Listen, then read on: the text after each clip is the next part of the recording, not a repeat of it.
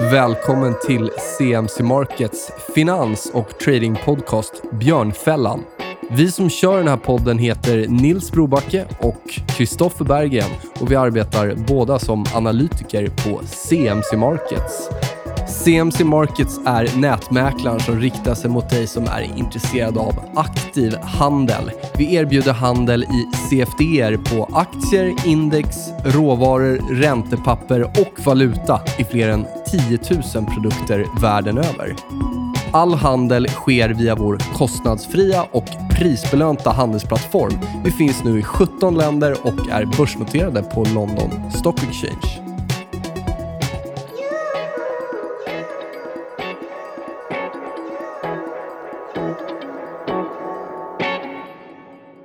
Då drar vi igång avsnitt 74 och vi har ju med oss traden Paper Chaser idag. Välkommen till Björnfällan.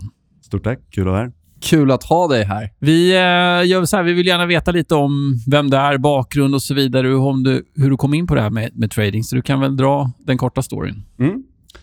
Ja, jag kom egentligen i kontakt med aktier första gången på mitt eh, dåvarande sommarjobb. Det var ungefär fem år sedan. Eh, det var en polare som visade sin depå för mig. Han hade väl 300 000 kronor där. Jag tyckte han var stenrik. Jag själv kanske hade 5 000 spänn då. Eh, men vad som var mest intressant för mig då, det var att hans portfölj var upp 1 procent.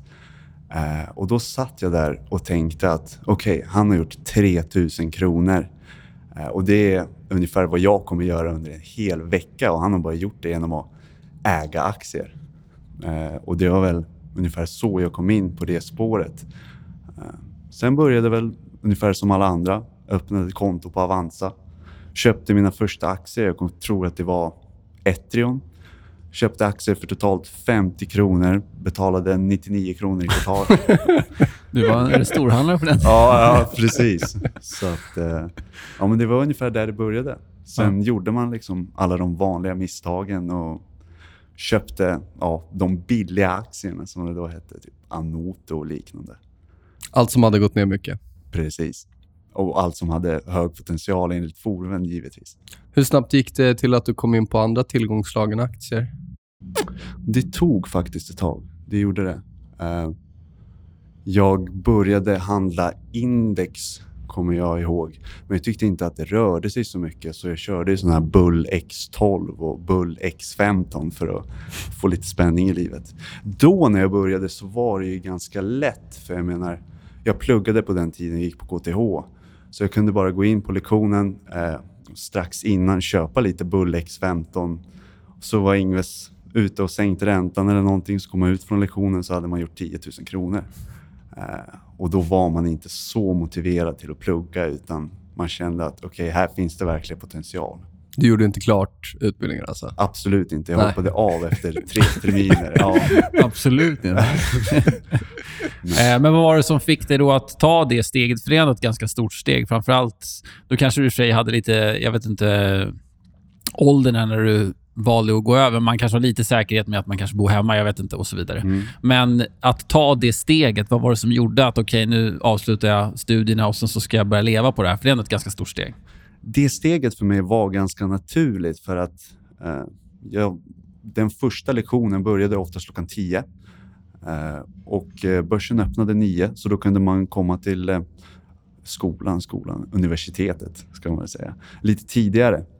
Ehm, och då kunde man se börsöppningen och sitta den första timmen. Och sen efter sista lektionen som slutade klockan fyra så kunde man sitta till halv sex. Och efter ett tag så började jag ju tjäna mer pengar på de två timmarna än vad en färdigutbildad civilingenjör uh, gjorde. Uh, och dessutom så tyckte jag det var väldigt kul. Så det var väl det som verkligen fick mig att ta den risken. Ja, det är ganska bra morot. Ja, det, det Men då, det låter som att det då gick ganska bra i början. Hade du samma flow när du sen väl tog steget? Ja, flowet var faktiskt ännu bättre. För att då behövde jag inte fokusera på studierna, utan då kunde jag lägga all min tid på det här och energi. Mm. Eh.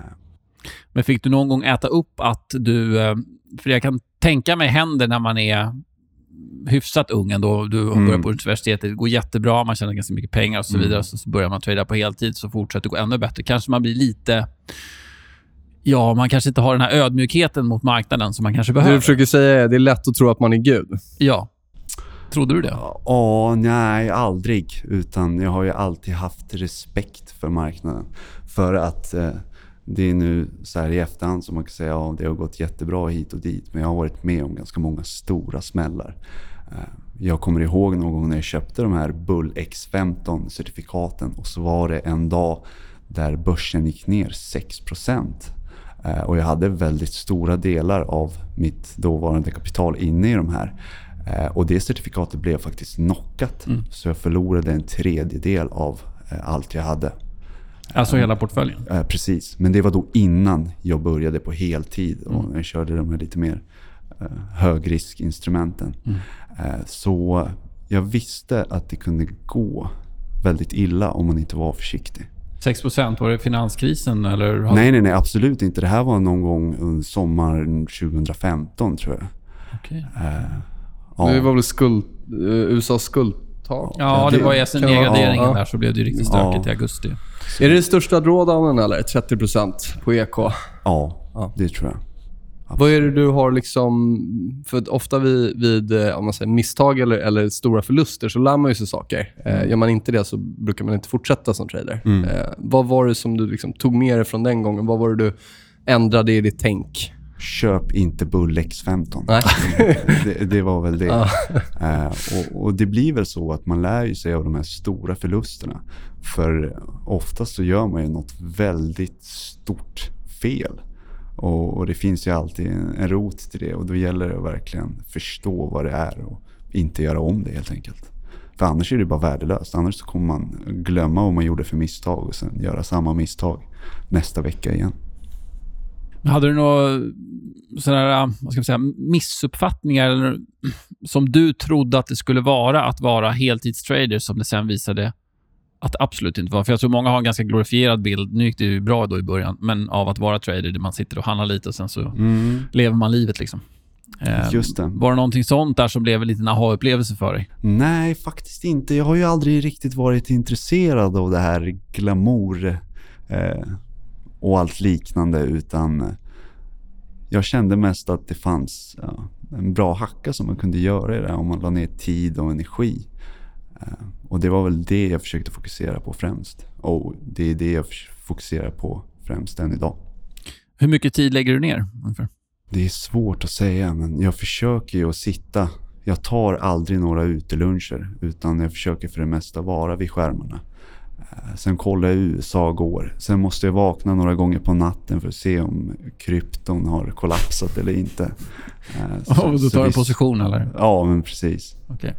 precis. Så det är svårt att uppskatta. Men till exempel som i natt, det är bara totaldog och då får jag notiser på telefonen och då är det bara att hoppa upp och lägga några ordrar och ställa lite likviditet så att säga. Mm. Mm. Är det limitordrar då eller liksom på nivåer som du har tittat på innan som Mm. du säger att nu börjar det närma sig och här vill jag in? Precis, precis. Och samtidigt som man lägger stopp-limit-order då, eh, i värsta fall om jag inte skulle vakna. Vilket egentligen innebär att om din limit-order blir träffad och så har du en stopp-limit-order på samma nivå. Då kan du sätta, ja, då sätter den automatiskt en limit-order högre upp. Det vill säga hur hög jag tror studsen då kommer bli så ska jag försöka sälja ut där. Ju, eh, det är ju väldigt stressigt att vara vid skärmarna så många timmar eh, på dygnet. Är det någonting som du använder för att minska den stressen? Träning eller mindfulness eller yoga eller vad? Jag tränar, jag försöker gå till gymmet när jag har tid. Ja.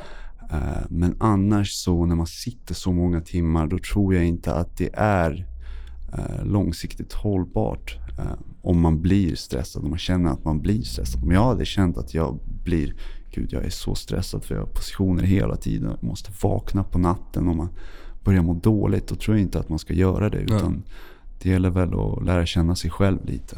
Hur man själv funkar. Det kanske kan vara åt andra hållet också. Vissa känner att de har mer kontroll när man hela tiden bevakar och så vidare. Men det är som du är inne på, när det blir... När man märker att man, man blir stressad av det, då är det ju dags att ändra på, på Precis. strategi. Jag blir framförallt kanske stressad när jag inte kollar. Mm. Om jag inte har vaknat en natt utan jag vaknar klockan sju och sen bara, men gud, jag glömde ju ställa klockan så måste jag springa till datorn för att kolla vad, vad allt står i. Men gör, händer det någon gång att du vad ska vi säga, överhandlar? För att det finns ju en viss... Man kan ju bli sugen att ta position. Om man sitter och tittar hela tiden så blir Mm. man ju... Vad ska vi säga? Man ser ju då lägen hela tiden, men om man är borta från skärmen så kanske man inte ser dem på samma sätt. Har du någon gång upplevt att du handlar lite för mycket bara för att du sitter och bevakar hela tiden? Du ställer larm på nätterna och så vidare. Jag tror ju tyvärr inte på det där med överhandel. Eh, faktiskt, för att om man har en positiv edge och man kan använda den Mm. väl, då ska man försöka handla så mycket som det bara går för att maximera sina vinster. Men då är det extremt viktigt också att man har den edgen klar för sig och strategin klar Absolut. för sig. Visst är det så. Om vi kommer in på strategier, jag förstår att eh, man handlar så mycket som du gör så finns det ju såklart olika strategier i olika lägen i olika typer av marknader. Men om vi försöker koka ner det lite, kan du beskriva din strategi? Om, låt, ta en trade eh, från entry till, till exit. Ja, ja, men till exempel som idag. Bitcoin gick ner 10%. Jag köper dipp.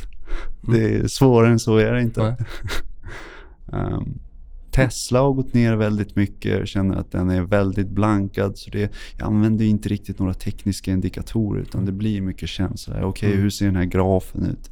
Det här är kanske ett mönster som jag känner igen. Eh, och så tar jag position eh, efter det. Tittar du någonting på sentiment? Vad, vad pratar Absolut. andra om? Ja, det Ja. tycker jag är jätteviktigt. Eh, och det är där det är lite spännande med bitcoin. För så fort bitcoin går ner 10% då börjar den ena sidan wow, nu har det börjat, nu ska den till noll. Eh, Medan när det går upp 10% då skriker alla mot 100 000. Eh, och så ska man själv Mm. försöka vara rationell och navigera där. Jag tror vi sa det i i en podd här för ett par år sedan, eller något år sedan, att bitcoin är verkligen, det är verkligen definitionen bitcoin och krypto av prispsykologi. Mm. Just eftersom att det är svårt att sätta ett fundamentalt värde på det. Mm. Ehm, och handlas väldigt, väldigt tekniskt Mm. om man nu Absolut. tittar på sånt. Men om vi tar bitcoin då som exempel. Vi hade ju en ganska kraftig nedgång för inte allt för länge sedan. Mm. En krasch kan man säga. Ja. Hur, om du nu du pratar om att går det ner 10% så köper jag dippen. Mm. Vad, hur hanterar du rent riskmässigt då? För att 10% kan ju lätt bli 50% i Mm. bitcoin. Liksom. Hur Mm. hanterar du det? För att om du ändå kör lite size så kan det bli väldigt Ja. jobbig förlust då. Ja, det beror ju på hur den har gått lite innan och man måste liksom komma in i det. Vad är trenden? Hur ser flödena ut? Nu är det kanske svårt att tyda flöden. Eh, Man kan ju se hur exempel ja, bitcoin rör sig bland wallets. Eh, Det är ganska komplicerat. Man kan mest kolla på hur eh, blankningarna ser ut. Hur många bitcoin som är långa eller hur många bitcoin som är korta. Och ja, försöka ta en position utifrån det. För jag menar, försökte du köpa dippen i princip hela förra året så blev det ofta väldigt dyrt. Jag menar när det stod där i 6000 i november. Jag trodde verkligen att ja, men, nu är det dags. Så gick det ner 50% till.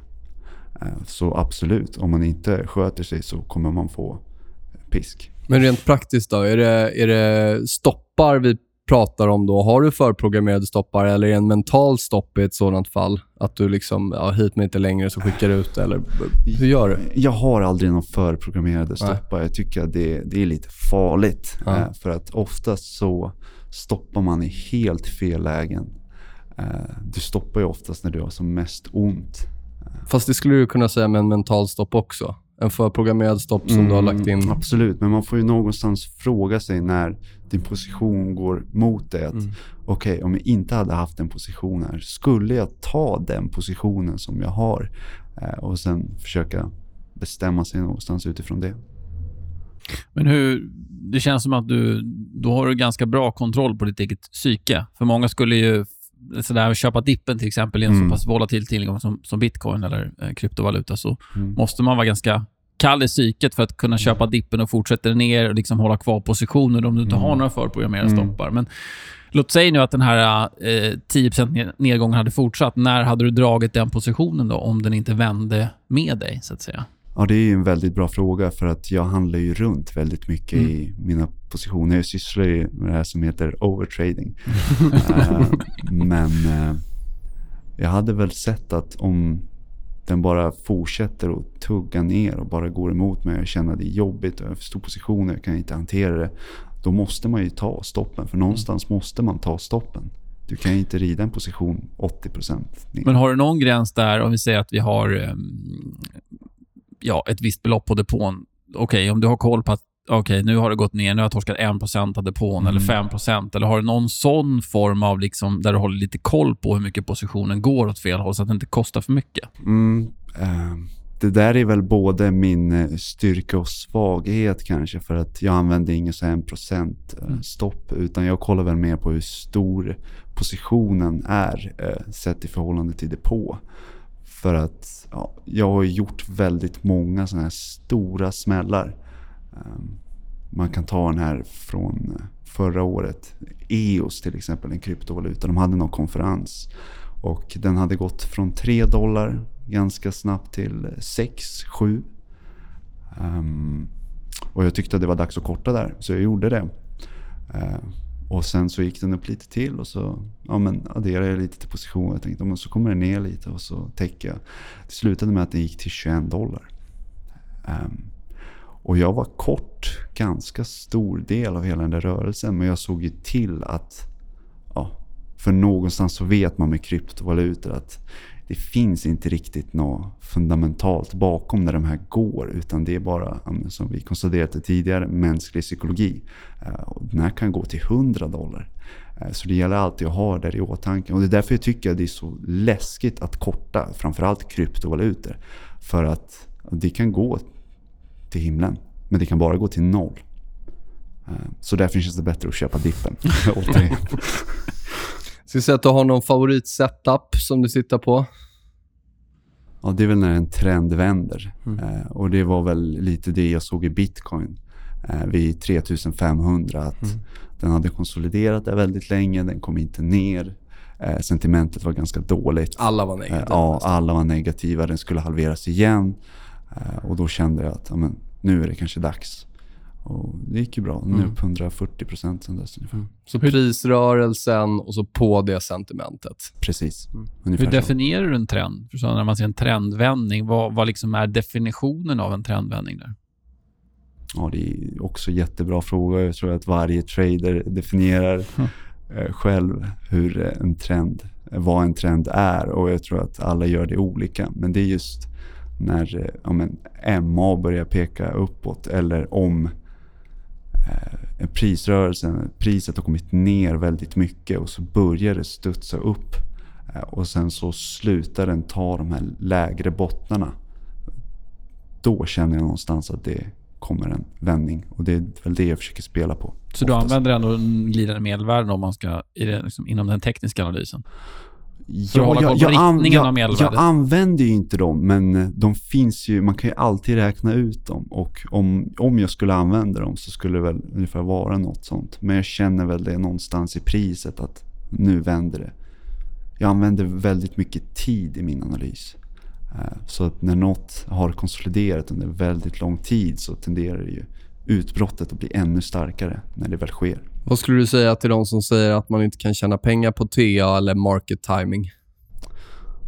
Ja, det är ju väldigt dumt att säga så framför allt för att det finns ju folk där ute som gör det. Några av världens rikaste. Ja, och jag, och, och jag menar, har du eh, människor som använder sig av verktyg som är tillgängliga för gemene man och de kan tjäna pengar på det. Eh, jag menar, då använder du själv bara de verktygen fel för att du inte kan göra pengar. För att, jag menar om du låter en vanlig människa gå in i ett flygplan och det finns 500 olika knappar och ska han försöka få det att lyfta och så bara, nej men det här planet lyfter inte. Men så kanske får en pilot att göra det ändå. Så, men. Mm. Snarare skit bakom spaken alltså. Ja, lite så. Lite så. Men hur, eh, hur har din, eh, din strategi eller ditt sätt att handla förändrats om du jämför med, kanske inte precis i början, men om vi säger från det att du valde att börja med trading på heltid. Har det skett någon förändring där i, i sättet att handla och strategin? Förutom kanske inte att du kanske inte handlade på natten förut. Men... Ja, nej, precis. Eh, sen så blir ju positionsstorleken lite annorlunda, så man får ju tänka på det. Vad finns det för likviditetsrisk? Ehm, kommer jag kunna komma ur om jag köper dippen här? Eller Kommer det finnas någon likviditet överhuvudtaget? Vad är risken? För att nu har jag väldigt mycket på sistone börjat tänka att okej, okay, om min portfölj halveras, hur kommer jag må rent psykologiskt? För att någonstans när man inte har några hårda stoppar, då måste man hela tiden ha psyket på plats. Eh, och då är det viktigt att hålla koll på att, ja, men, att positionerna inte kommer i vägen. För att om jag till exempel glömmer och några ordrar från natten och sen så vaknar jag på morgonen och sen så har jag förlorat 1-2% av mitt kapital. Och så vet jag att den här dagen, den här veckan är helt förstörd så kommer man ta felaktiga beslut eh, resten av dagen, resten av veckan, kanske resten av månaden. Just bara för att man har den händelsen i bakhuvudet. Kan du se att det, det, det liksom, när du är i den typen av drawdown, märker du av det? Nej, Nej. jag försöker inte tänka på det. Uh, och jag har väldigt stora drawdowns mm. rätt ofta ändå. Mm. Uh, men det är någonting jag har lärt mig att hantera med tiden. Hur blir du när equity-kurvan är på all time high? Uh, jag bara fortsätter. Den är ju på all time high rätt ofta. Alltså. Nej, men skämt åsido. Jag försöker inte förändra min strategi så himla mycket ja. oavsett vart equity-kurvan är. Utan gneta bara på. Och försöker alltid göra det bästa av situationen. Vad är, du nämnde att har stora drawdowns. Vad är en stor drawdown för dig? Det kan vara 10% tror jag. Kan det vara. Och vad pratar vi för tidshorisont som den uppstår under? Ja, med bitcoin kan det vara en natt. Mm. Okej. Okay. Um, ehm, men, men, inte på hela boken, utan på den enskilda positionen? Uh, ja, förut kunde det vara faktiskt på ja. hela boken. Ja. För att när det var eh, kryptohås i december och, och kontot växte väldigt mycket. Mm. Eh, och, så man försökte bara mm. få det att fortsätta mm. växa. Mm. Um, ja, det är klart. kan man tjäna 20-30 kan man ge bort 10 på förmiddagen. Precis. Ja. Ja, och så var det verkligen. Att okej, okay, 20 igår på kontot. Sen 20 idag igen och så bara med 10 tillbaks på natten. Mm. Då blir man inte eh, så mentalt tiltad mm. faktiskt. Utan man har ett ganska bra track record och man fortsätter bara. Så det hänger ihop mycket med volatiliteten också? Absolut. Ja. Det, För det, det blir som att du kan, ja, nu ska man ju kanske inte säga så, vinna tillbaka. Nej, men så, så är det ju verkligen. Ja. Så är det verkligen. För att om volatiliteten bara dör ut, så då har man ju ingen möjlighet att komma tillbaka. Eh, skulle du, om när du, när du tänker, på tillba eh, tänker tillbaka, du så att säga, kom, ju, kom ju vinnande ur det här eh, mm. kryptoracet, men hade du handlat lika aggressivt? För en, många kanske uppfattar en 10% i drawdown under en natt som en ganska jobbig rörelse. Mm. Hade du, känner du att du hade handlat lika aggressivt eller var det liksom en lärdom som du nu Nej, jag önskar, jag önskar att jag var ännu mer aggressiv faktiskt. Uh, för att, ja, mina uppsvingar kunde vara ju mycket högre än så väldigt många gånger. Jag menar det fanns um, timmar då jag kunde dubbla kontot på vissa rörelser. Så sjukt var det. Uh, och jag tror inte att det kommer bli så sjukt igen. Jag hoppas ju innerligt att det kommer bli så, men uh, jag tror inte att det kommer bli så bra igen. Har du fler? Hur många positioner har du igång samtidigt ungefär? Jättemånga. I olika tillgångar? I olika tillgångar. I aktier, i kryptovalutor, i Lång, kort, spelar ingen roll. Det som rör sig. Spelar ingen roll. Det som rör sig och det där jag har en känsla. Uh, försöker jag bara vara. Och sen så försöker jag givetvis distribuera kapitalet så att ja, men om någonting går till noll så blir det kanske inte så farligt. Eller i alla fall 50%. Jag tror inte att OMX går till noll. Men det kan ju bara gappa ner 5% mm. imorgon. Uh, och det är väl det man får ha i åtanke hela tiden när man har positioner igång. Vi har pratat mycket, mycket krypto, så här, men hur ser... Eh, om vi tar portföljen som helhet, positionerna som helhet. Procentuell fördelning, kryptos, index, aktier, om du handlar valutor eller råvaror. Mm. Hur ser det ut där över portföljen? Eh, alltså min kryptoportfölj innan i november 2017, det var väldigt liten. Eh, jag, jag satte in 35 000 kronor ungefär. Eh, och sen under de kommande månaderna så blev det ju mer än allt kapital jag hade införskaffat under de senaste två åren av handel.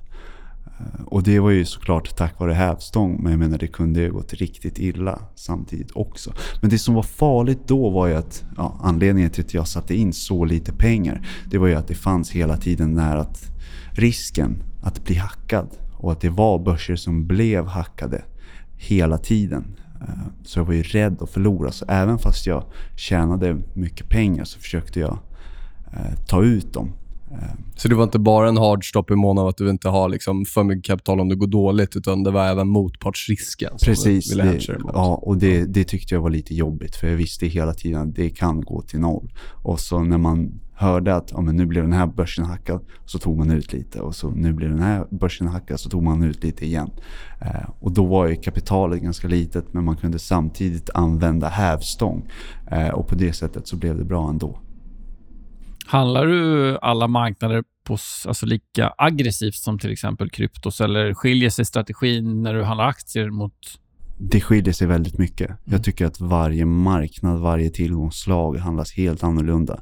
Det är olika volatilitet på dem och det är väl där man måste anpassa hur mycket pengar man vill sätta på varje häst eller vad man ska säga. Att man känner att man har den största edgen. För även om jag inte har lika stor edge i till exempel index så försöker jag ändå handla det för att om kryptovalutor dör så vill jag ändå ha någon form av intjäning på index och aktier.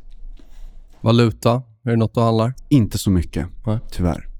Um, tycker att det rör sig lite för lite. inte, inte min grej. Men du, du, om vi säger nu index, du, handlar det på, på rekyler på uppsidan och på nedsidan som, som också krypto? Mm, så att om det går ner mycket, vad det ja. mycket är för någonting, så tar du emot position? Ungefär så. Okay. Så gå emot trenden där. Väldigt, Samma sak i aktier? Mycket.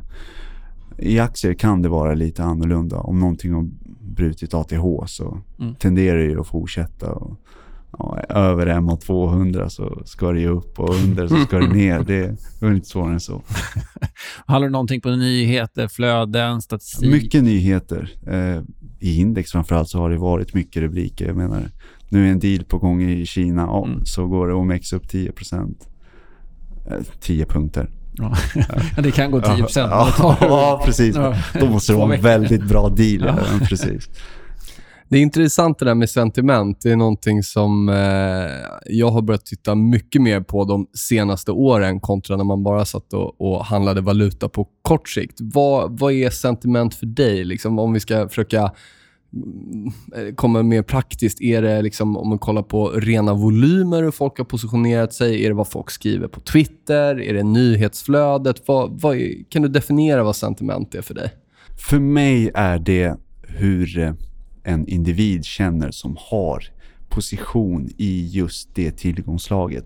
För det är egentligen inte så relevant vad individen utanför känner utan det är just han som är lång eller kort. Eh, hur uppför han sig? Är han helt hysterisk att när bitcoin går ner 10% så wow, nu ska det till noll. Eller någon som är lång att men nu ska det mot 100 000. Eh, och lite så. Mm det är en ganska bred fråga. Så jag tycker ändå ja, absolut. Den är jättesvår och jag tror alla har sin secret sauce där. Men det ja, är alltid intressant och... Man kanske har några specifika personer som man eh, lyssnar till mm. eller anti-lyssnar mm. till. Och är alla överlag tycker någonting så blir det väldigt attraktivt att göra det ja, motsatta, givet att grafen säger så. Precis, mm. verkligen. Tar du hänsyn till någon makro eller fundamentala faktorer? Vi pratade lite om det här med nyhetsflödet, men är det just eventet där när nyheten släpps som du tar position på själva rörelsen eller? Ja, jag tenderar inte att handla på makro i något längre perspektiv, för jag tycker inte att det funkar. Det funkar inte för mig i alla fall. Uh, det är stort cred till alla som får det att funka, men jag känner bara att det, allt ligger i marknadssentimentet. Så när någonting är ner väldigt mycket och sen så kommer en positiv nyhet och om det här var väldigt bra makrostatistik men så fortsätter det ner. Då känns det att, men okej, okay, då kanske priset säger sitt och det här inte är så bra som alla tycker. Och då blir det svårt att gå emot. Om vi tar eh, nuvarande marknadsläge då. Kommer in lite på index här. Vi pratade mm. jättekort innan mm. vi satte igång här. Vad, vad är din syn nu? Ja, jag tycker ju återigen att det är väldigt svårt för att det här kriget mellan eh, USA och Kina. Jag vet inte om Trump eh, trodde att kineserna skulle vara så där hårda. Eh, och det känns någonstans som att han sitter i klistret för att ja, kinesiska regeringar har ju i princip valt sig själva så de kommer ju vara där ett tag till. Trump har ett val här nästa år att vinna och om ekonomin kommer vara dålig så tror jag inte att han har så bra möjlighet att vinna och det tror jag att han förstår. Eh, sen har vi ju alla makroindikatorer som kommer in ganska dåligt. Eh, så, och index är ju trots allt bara några procent från all time high. Jag menar det är i princip majnedgången som vi har här nu. Men, Absolut. men vi har ju sett det tidigare i januari, februari. Det här, vi kan ju gå upp på tre veckor och så är vi på ATH igen. Det låter lite som att du ligger kort. Ja, det, you got me. Eh, men vi har ju varit inne på det här med riskhantering och så vidare. Men vad är risk för dig och vad är bra risk-reward? Ja, det beror ju på vilken risk man är villig att ta och jag tror att eh, man måste ta hänsyn till sin vardagssituation. Eh, vilka utgifter man har. Jag menar, bor man hos mamma eller har man en eh, dyr hyreslägenhet? Och sen måste man ta hänsyn till ja, men hur mycket tror jag att jag kommer kunna tjäna på min trading? För att om man har ett jobb där man tjänar 35 000 kronor och sen så tjänar man 35 000 kronor på sin trading. Eh, jag skulle ju nästan rekommendera att ha kvar jobbet. För att eh, det är lite större risk med tradingen. För att när du går till jobbet, då vet du att amen, jag kommer få min lön den 25. Men tradingen är ju verkligen inte så, utan då börjar man ju dagen på noll och sen så vet man inte vad som kommer hända. Och i slutet av dagen så kanske är man ja, men back det man tjänade förra veckan. Beroende på vilken risk man har givetvis. Eh, så det är lite sådana faktorer man måste ta hänsyn till. Jag började ju som sagt tjäna mer som trader än som men, civilingenjör.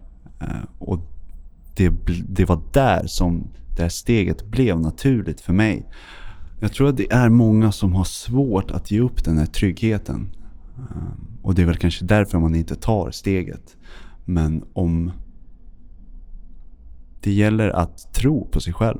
Eh, framförallt kanske. För det är ingen annan där ute som kommer göra det. Jag menar när jag hoppade av plugget. Sen så såg man någon eh, polare ute på stan. Sen så fick man den syrliga kommentaren om du hoppade av. Jaha, gud vad trist. Men plugga är inte för alla. Du kommer hitta något annat. Eh, men jag kunde ju bara skratta. Jag visste inte hur jag skulle svara riktigt. Eh, Eh, Men sen är det också det man kanske inte tänker på. Man kan ju tänka att 35, som du var inne på, man ska tjäna 35 i månaden, men det du har när du jobbar är du får ju avsättningar till pension, det är sjukförsäkringar, det är massa såna här grejer som också eh, det blir ganska mycket netto som du ska dra in ytterligare på tradingen för att väga upp för det. Precis. Eh, vilket man kanske glömmer bort. Man måste verkligen känna att dels att man tjänar mycket pengar men även att man gör det eh, på ett stabilt sätt. Eh, För att jag var ganska kontinuerligt lönsam. Jag kände att jag kunde göra pengar dag efter dag efter dag. Och hade inte jag känt det så vet det fan om jag hade tagit eh, det här steget. Vet du hur länge din längsta drawdown har varit i tid? Nej, jag har tyvärr inte koll på det. Var det någon gång under den här perioden sen du satte igång som heltidstrader som du har funderat på att gå tillbaka antingen att jobba och förvalta andras pengar eller ja, Absolut inte. nej. det har inte varit på tapeten. en chans. Nej. Jag menar första året som jag höll på, första två åren som jag höll på så hade jag inte en enda minusmånad. Ehm, och sen så blev jag väl kanske lite för aggressiv i kryptovalutorna och då small det. Ehm, men eh, jag har ändå klarat mig hyfsat. Du sitter ju i ett av de här rummen som finns här i Stockholm, Mm. tradingrummen. Hur, eh, hur mycket pratar du med de andra som sitter där? Delar ni tankar? Delar ni idéer? Pikar ni varandra på Twitter? man diskuterar lite case men eh, det känns ändå som att alla vill eller försöker vara lite hemliga med sina positioner och jag själv vill inte påverka andra med mina positioner för mycket heller. Eh, för jag vet själv att det kan vara lite jobbigt att bli påverkad att om man är lång bitcoin och sen så kanske någon annan kortat bitcoin och så blir det en liten krock där. Eh, Du var inne på tidigare där att du hade i början smällde dig på något eh, hävstångscertifikat och att du drog lärdom av det.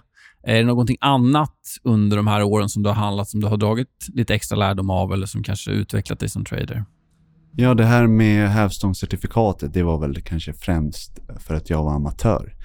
Men eh, de här stora drawdownsen, någonstans med tiden så har jag insett att det är en del av min handelsstrategi.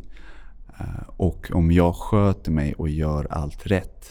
Så det spelar ingen roll hur bra jag är. Jag kommer att åka på drawdowns ändå. Eh, frågan är ju bara hur stora de blir och hur snabbt jag kommer tillbaka från dem.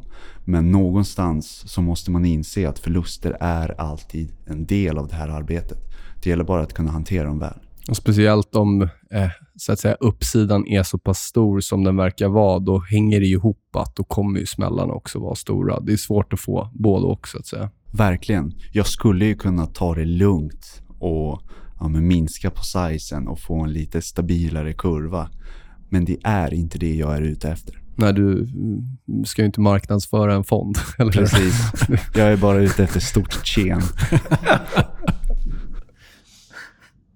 Eh, du har ju handlat mycket krypto, så du vet ju att marknaden kan röra sig ganska kraftigt. Mm. Men många andra som kanske har kommit in i tradingen sen egentligen vändningen efter finanskrisen har ju kanske inte riktigt upplevt de här stora, brutala nedgångarna. Vi har haft stökiga perioder, absolut. Hur tror du att eh, de här, den här typen av, eller den här, de här personerna kommer behöva ändra sin handel? Eller tror du att de kommer behöva göra det när det blir ett stökigare klimat? Definitivt, för att vi har ju haft en ändå ganska snäll marknad om man får säga. Har man köpt dipparna så har man ändå alltid kunnat ja, på ett eller annat sätt komma ut. Men när den här riktiga sättningen kommer, eh, nu ska inte jag vara någon Dr. Bass, men när den här riktiga sättningen kommer så tror jag att det kommer bli väldigt tungt för många. Och det kommer råda panik på diverse håll. Jag vet själv hur det var i kryptovalutorna för att det är ju en sak när det går ner 2% och sen så går det 2% upp veckan efter det. Men när det kommer ner 10% så kommer det ner 10% dagen efter och 10% två dagar efter det. Då blir det tungt. Då har du köpt dippen. Men sen du är i förtvivlan. Du vet inte vad du ska göra med din position för att det var inte riktigt som, att du, som du hade tänkt dig. Eh, och det känner jag verkligen inte att folk har blivit drabbade av i dagens klimat. Eh, och det kommer komma. Men tittar vi, ja, tittar vi, vi hade ju ändå en kraftig nedgång februari 2018. Vi hade ett riktigt dåligt avslutning på förra året. Det har ändå, bara, bara genom att kolla på candlesticksen så ser vi att vi är inne i en annan volatilitetsregim. Absolut, men uh, även den nedgången i december, den var ju väldigt kort eller vad man ska säga. Den mm. var stor och den var intensiv. Mm. Men... Uh, det kom tillbaka. Precis. Det är väl det, det att studsarna har varit... Du var inte februari, lika, februari 2018 lika aggressiv som början av det här året, men det är just att studsarna kommer ju... Det känns som att man så att säga, vet att studsen kommer. Sen att den ska vara så snabb som början det här året kanske man inte ska räkna, men det är väl det som jag tror kommer bli problem för många. att Till slut kommer inte studsen det kanske börjar att konsolidera, men då är du ner 20% och sen kommer en konsolidering och sen kanske det fortsätter ner utan att du får den här liksom studsen på 15 åt rätt håll eller 20 åt rätt håll. Precis, och senaste åren så har ju även trenden varit att vara fullinvesterad. Så när man får in sin lön så bara sätter man in dem i fonderna utan att tänka efter. Jag menar, hade man tagit ut pengarna och satt in dem på kontot och väntat på ett bättre läge, då känns det ändå som att man agerar lite annorlunda. För är man all in och så går det ner 2%, då tänker man äh, det studsar upp. Men har man satt in pengarna och så har man dem där och så går index ner 2%, då tänker man kanske, ja ah, men jag väntar eh, på att det går ner 1% till och sen så köper jag. Och så kommer man kanske inte till skott. Eh, och det är de här som är all in som kommer få ta den största smällen. Vi brukar alltid försöka fråga lite kring eh, var man hittar inspiration och, och, information. Det kan ju vara böcker, bloggar, analytiker, twittrare. Vi har varit lite inne på det. Men har du något specifikt där du vill nämna för våra fantastiska Björnfällan-lyssnare? Ja, jag läser inte så mycket böcker själv, men en av de få böckerna jag har läst om just trading, det är väl när Trading in the Zone av Mark Douglas.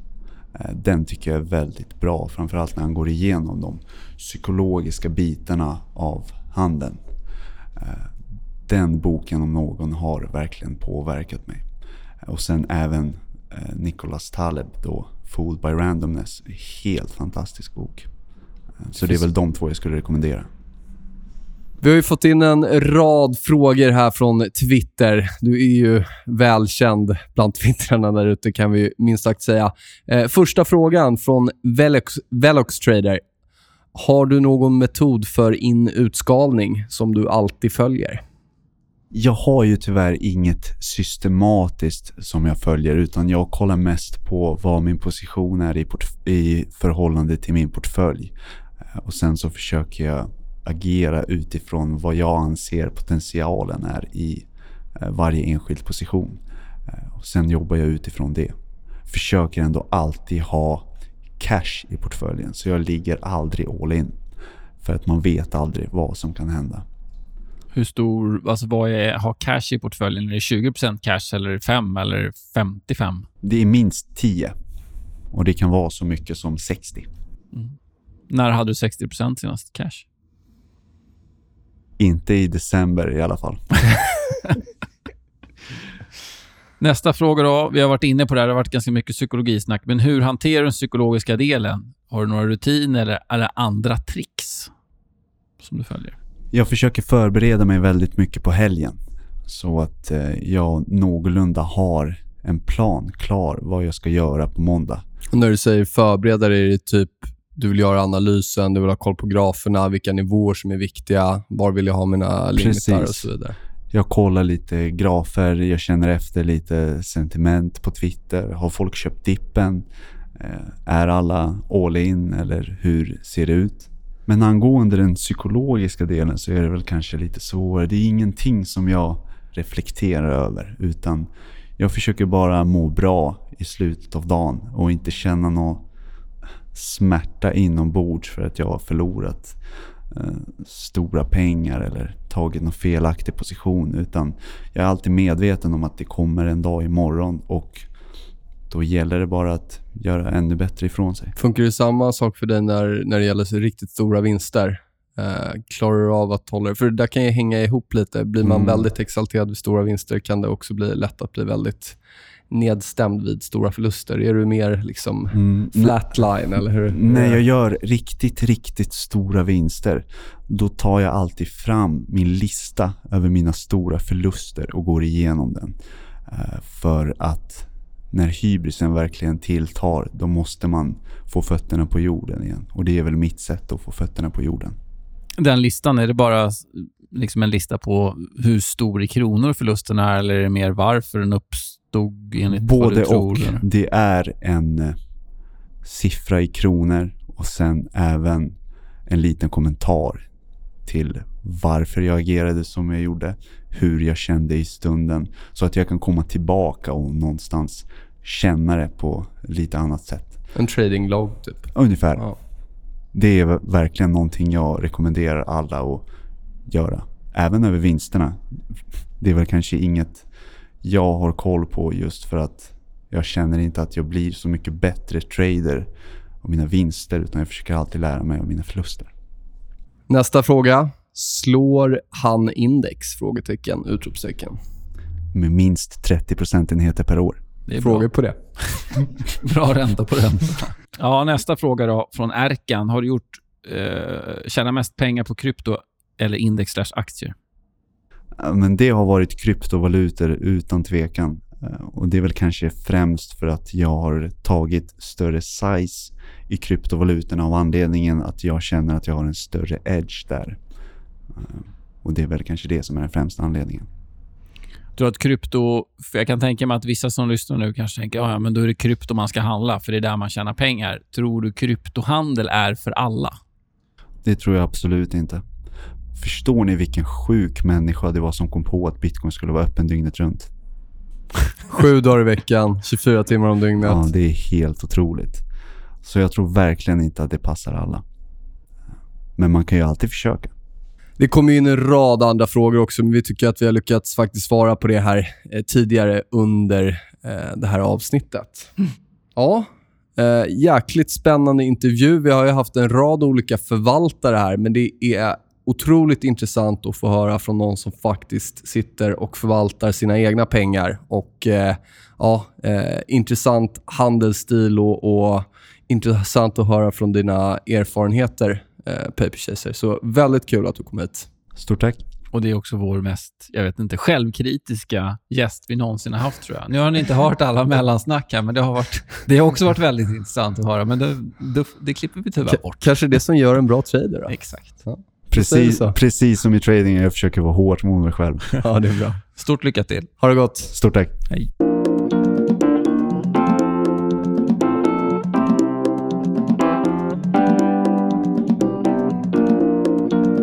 Ja, det var avsnitt 74, klappat och klart med Paper Chaser. Extremt intressant. Eh, vi har alla våra stilar eh, och han har hittat sin stil. Verkligen. Eh, väldigt intressant och tror jag, mycket bra lärdomar att dra för både för liksom etablerade lönsamma traders och om det är dit man vill så småningom sitta själv. Så att, eh, ja, verkligen häftigt och vi kommer säkert få chansen att prata med Paper Chaser igen framgent. Han är även krönikör på vår eh, nyhetssajt Trade CMC, så att är ni intresserade av att ta del av hans tankar om diverse marknader, psykologi och så vidare, är bara att gå in på tradecmc.se så klickar ni på krönikor och så hittar ni hans krönikor där helt enkelt. Vi så då? Det gör vi, tycker jag. Ha det gott. Ha Tjena. det. Hej då.